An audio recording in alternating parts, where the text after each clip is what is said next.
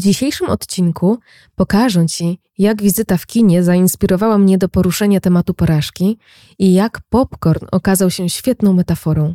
Podam parę wskazówek, jak radzić sobie z porażkami, zarówno w swojej głowie, jak również na poziomie liderskim. Cześć, nazywam się Anna Niedziałek. Witam Cię w kolejnym odcinku mojego podcastu Korponiedziałek, czyli rozwój w ASAPie. To tutaj regularnie poruszam kwestie związane z rozwojem osobistym w świecie korpo. Przygotuj się na fascynującą podróż, pełną cennych wskazówek, inspirujących historii i praktycznych narzędzi. Dzisiaj tak może trochę przewrotnie, może trochę oklepanie, ale chciałabym się Ciebie zapytać, jak spędziłeś, spędziłaś święta, ten ostatni magiczny czas, który nam towarzyszył? A jak powitałaś, powitałeś nowy rok? Czy było szampańsko, wesoło, może nudno, może przy książce, a może przy telewizorze? Czy było tak rzeczywiście, jak sobie to wyobraziłaś, wyobraziłeś? Bo jeśli tak, to wspaniale i naprawdę życzę Ci wszystkiego, co cudowne w tym nadchodzącym nowym roku. I jeśli masz ochotę, podziel się w komentarzu do odcinka, z jakimi myślami wchodzisz w ten nowy rok, czego sobie życzysz, a może czego życzysz innym w tym nadchodzącym nowym roku. Bardzo Cię zachęcam do tego, żebyś umieścił, umieściła w komentarzu rzeczywiście te swoje intencje, te swoje życzenia dla siebie albo dla innych. Natomiast dzisiaj chciałabym zaprosić Cię do odcinka, w którym będę mówiła o porażce, ale w takim trochę innym podejściu, z perspektywy osobistej oraz tej liderskiej. A zachęcę Cię do spojrzenia z tych perspektyw na podstawie takiej jednej sytuacji, z którą spotkałam się w kinie, i w zasadzie ta sytuacja zainspirowała mnie do nagrania właśnie tego odcinka. Wyobraź sobie, że wchodzisz na salę kinową, oczywiście mając w głowie powtarzany rząd i numer siedzeń z biletu, aby przypadkiem kogoś nie podsiąść, i idąc po środkowych schodach w górną część sali, liczysz rzędy podświetlone na stopniach, i kiedy znajdujesz ten właściwy, rozglądasz się za miejscami. I nagle widzisz, są.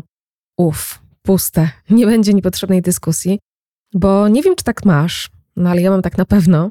I ten schemat pojawia się dość często, że kiedy idę do kina, aby spędzić ten czas miło i tak na spokojnie, czyli tak jak lubię w zasadzie, to bardzo zaburza mi taki spokój, z jakim przyszłam i ten cel, który chciałam osiągnąć w pójściu do kina, właśnie takie dyskusje, kiedy ktoś mnie podsiadł.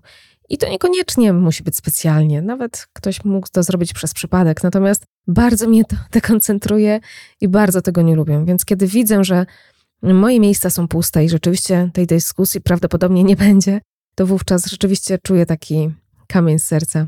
Może to jest głupie, natomiast mam to naprawdę bardzo często. Więc okej, okay, mamy te miejsca i siadasz na swoim miejscu, rozglądasz się, kto będzie twoim sąsiadką czy sąsiadem na czas trwania seansu i po prawej stronie zauważasz tatę z na oko sześcioletnią córką. Mniej więcej ta dziewczynka miała około sześciu, pięciu, sześciu lat.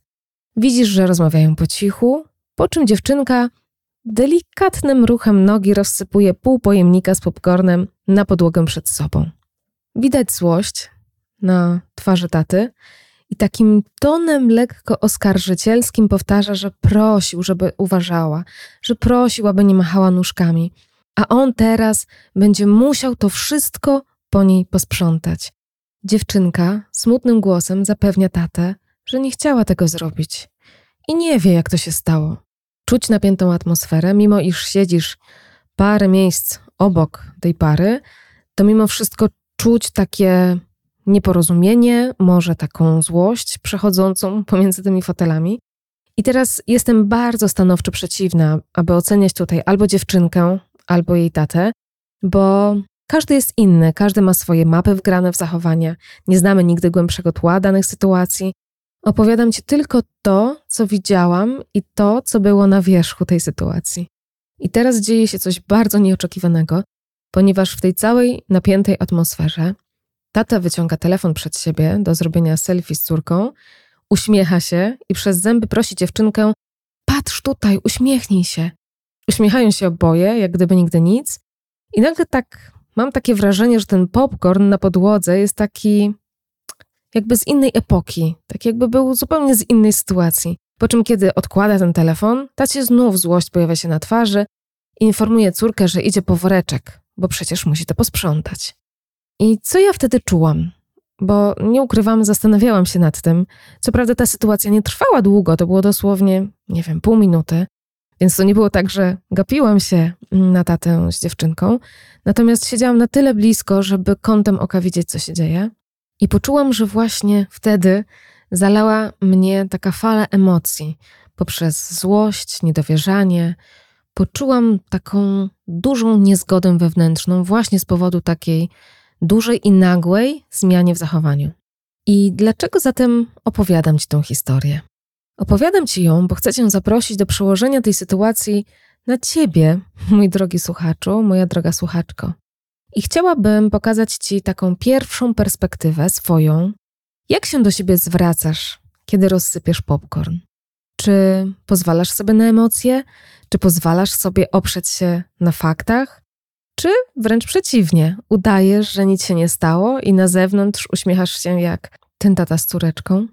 Bo właśnie dość powszechną techniką radzenia sobie z porażkami jest udawanie, że nic się nie stało. I wprawdzie każdy widzi, jak jest, bo przecież popcorn nadal leży na podłodze, ale póki ktoś nie stanie na nim i nie chrupnie pod jego nogami, to mam wrażenie, że udajemy tak, jakby problem nie istniał. Przecież zdjęcie zrobione z uśmiechem pokazuje nasze wspaniałe samopoczucie, nasze wspaniałe życie i jakby nie ma w ogóle podstaw do tego, żeby się przyczepić. Znasz to? To jak sobie poradzić z takim podejściem? I przede wszystkim zachęcam Cię do przyznania samemu sobie, zauważenia tej porażki. Tak trochę przepracowanie jej, bo nawet jak coś poszło nie tak, nawet jak myślimy, że stała się ogromna tragedia, to istnieje duże prawdopodobieństwo, że coś było jednak ok. I tutaj ważna jest ciekawość właśnie na te różne perspektywy. Więc mogę zapytać o opinię innych i proszę o szczerość, na którą jestem gotowa, gotowy. Może jest inny sposób postawienia tego pudełka, aby popcorn się nie wysypał. Albo może jest jakiś inny sposób na to, żeby inaczej siąść, może żeby ten popcorn stał trochę obok, albo żeby jednak mieć go bardziej na kolanach niż w nogach. Zatem na przyszłość pomaga mi to ustalić, co zrobię inaczej, aby taka sytuacja nie miała miejsca. Myślę nad tym, jak mogę usprawnić to wąskie gardło w tym całym procesie. I to od ciebie zależy, czy będziesz mieć dość dobrej woli, żeby to zrobić. Zatem, zbierając już w całość, jak brzmią sposoby na radzenie sobie z porażkami? Po pierwsze, przyznanie się przed sobą i zauważenie tej porażki, czyli tak jakby stawienie jej czoła. Po drugie, przepracowanie jej, czyli wejście w jej głąb, przyjrzenie się przyczynom zaistniałej sytuacji. Po trzecie, pytam innych o zdanie na temat trochę innej perspektywy tego wydarzenia i przyjmuję, naprawdę, tak przyjmuję szczerze, każdą szczerość. Jestem gotowa, gotowy na tą szczerość. Czwarty punkt. Wyciągam wnioski. I piąty, podejmuję decyzję, co zrobię inaczej w przyszłości, aby ta sytuacja się nie wydarzyła. Czyli mówiąc tak trochę bardziej zrozumiale, uczę się na swoich błędach. W drugiej części tego odcinka chciałabym zaprosić Ciebie do sprawdzenia drugiej perspektywy, czyli liderskiej perspektywy. Droga liderko, drogi liderze. Jak reagujesz, kiedy twój podwładny albo nawet cały zespół poniesie porażkę? Jak im to komunikujesz? Jak komunikujesz to organizacji? I chciałabym, żebyś wyobraziła, wyobraził sobie taką sytuację, że zespół zawala, totalnie kładzie kolejny projekt. Przychodzi do firmy, a ty jako lider, liderka śpiewasz tą naszą bardzo dobrze znaną piłkarską przyśpiewkę Nic się nie stało. Jak myślisz? Albo myślę, że jeszcze gorzej jest wtedy, kiedy nic nie komunikujesz dalej, ani zespołowi, ani organizacji, spychając ten popcorn, który, przypominam, rozsypał się tuż przy Twoich nogach, pod fotel, aby nikt z managementu nie mógł w niego wejść. Jeśli tak robisz, to jaki wówczas wysyłasz komunikat? Jaką dajesz motywację do zespołu, by zmienił swoje działanie? Żadną. Analizując porażkę i wyciągając wnioski właśnie z tej porażki, trzeba wyprowadzić jakąś regułę, którą będziecie mogli jako zespół wykorzystać w przyszłości. Na przykład, kiedy zaczynamy projekt, dbamy o różnorodność w zespole. Dzięki temu zauważymy, może nie wszystkie, ale jest duża szansa, że większość zagrożeń w całym procesie. Albo jesteśmy konsekwentni w egzekwowaniu zadań w momencie osiągnięcia kamieni milowych. Czyli nie przesuwamy spotkań, co się bardzo często niestety zdarza w organizacjach, i realnie rozliczamy się ze swojej pracy.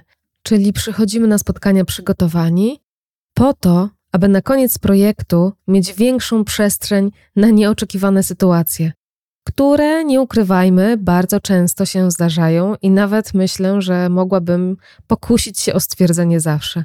Ale jednak co tu jest najważniejsze? Najważniejsze jest to, że dobry projekt powinien skończyć się podsumowaniem i wyciąganiem wniosków. I jednym z takich właśnie bardzo prostych narzędzi jest ćwiczenie Start, Stop, Continue, które w wielkim skrócie służy temu, żeby odpowiedzieć sobie jako organizacja, jako zespół, ale też w zasadzie możemy to ćwiczenie przeprowadzić w swoich własnych, osobistych sytuacjach na pytania.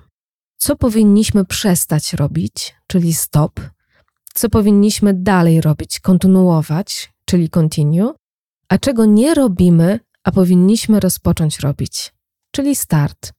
I może brzmi to bardzo prosto w założeniu, natomiast tak jak sobie patrzę z mojej perspektywy, jest to jedna z niewielu naprawdę absolutnie uniwersalnych rzeczy czy narzędzi do użycia, które w zasadzie są na wyciągnięcie ręki i które nie wymagają jakichś ogromnych wkładów ani czasowych, chociaż oczywiście, jeżeli projekt jest dość duży, to wówczas takie podsumowanie po prostu może trwać dłużej i tych punktów może być rzeczywiście więcej.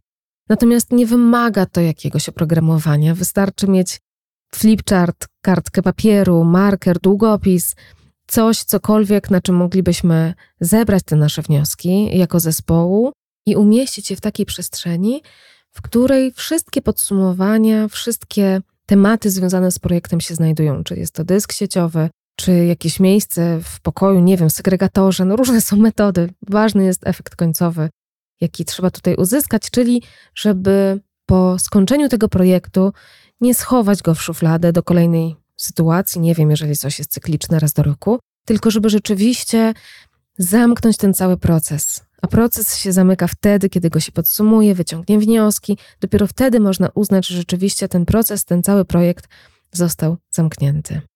Zatem w tej drugiej perspektywie liderskiej podsumowaniem niech będzie w zasadzie to samo, co było w części pierwszej, plus kładę bardzo duży nacisk na podsumowanie, omówienie tej porażki z zespołem na jasnych, równoważnych poziomach, bez wywyższania się, bez samobiczowania, bez zrzucania odpowiedzialności, a przede wszystkim bez wytykania personalnych błędów.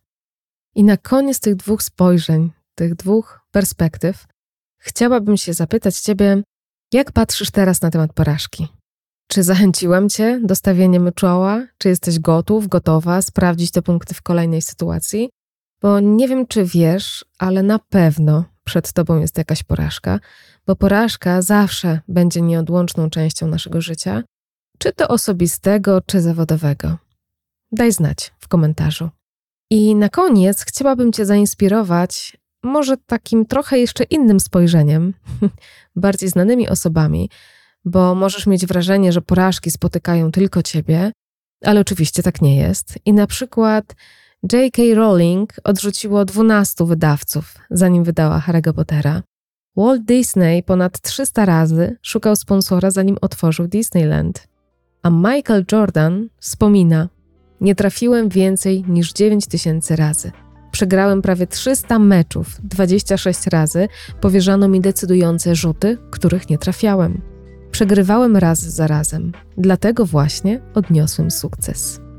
Spójrz na porażki z przyjaźnią i zrozumieniem, mój drogi słuchaczu, moja droga słuchaczko, a spowoduje to, że sukces będzie smakował po stokroć bardziej intensywnie. Tego Ci życzę i do usłyszenia za tydzień.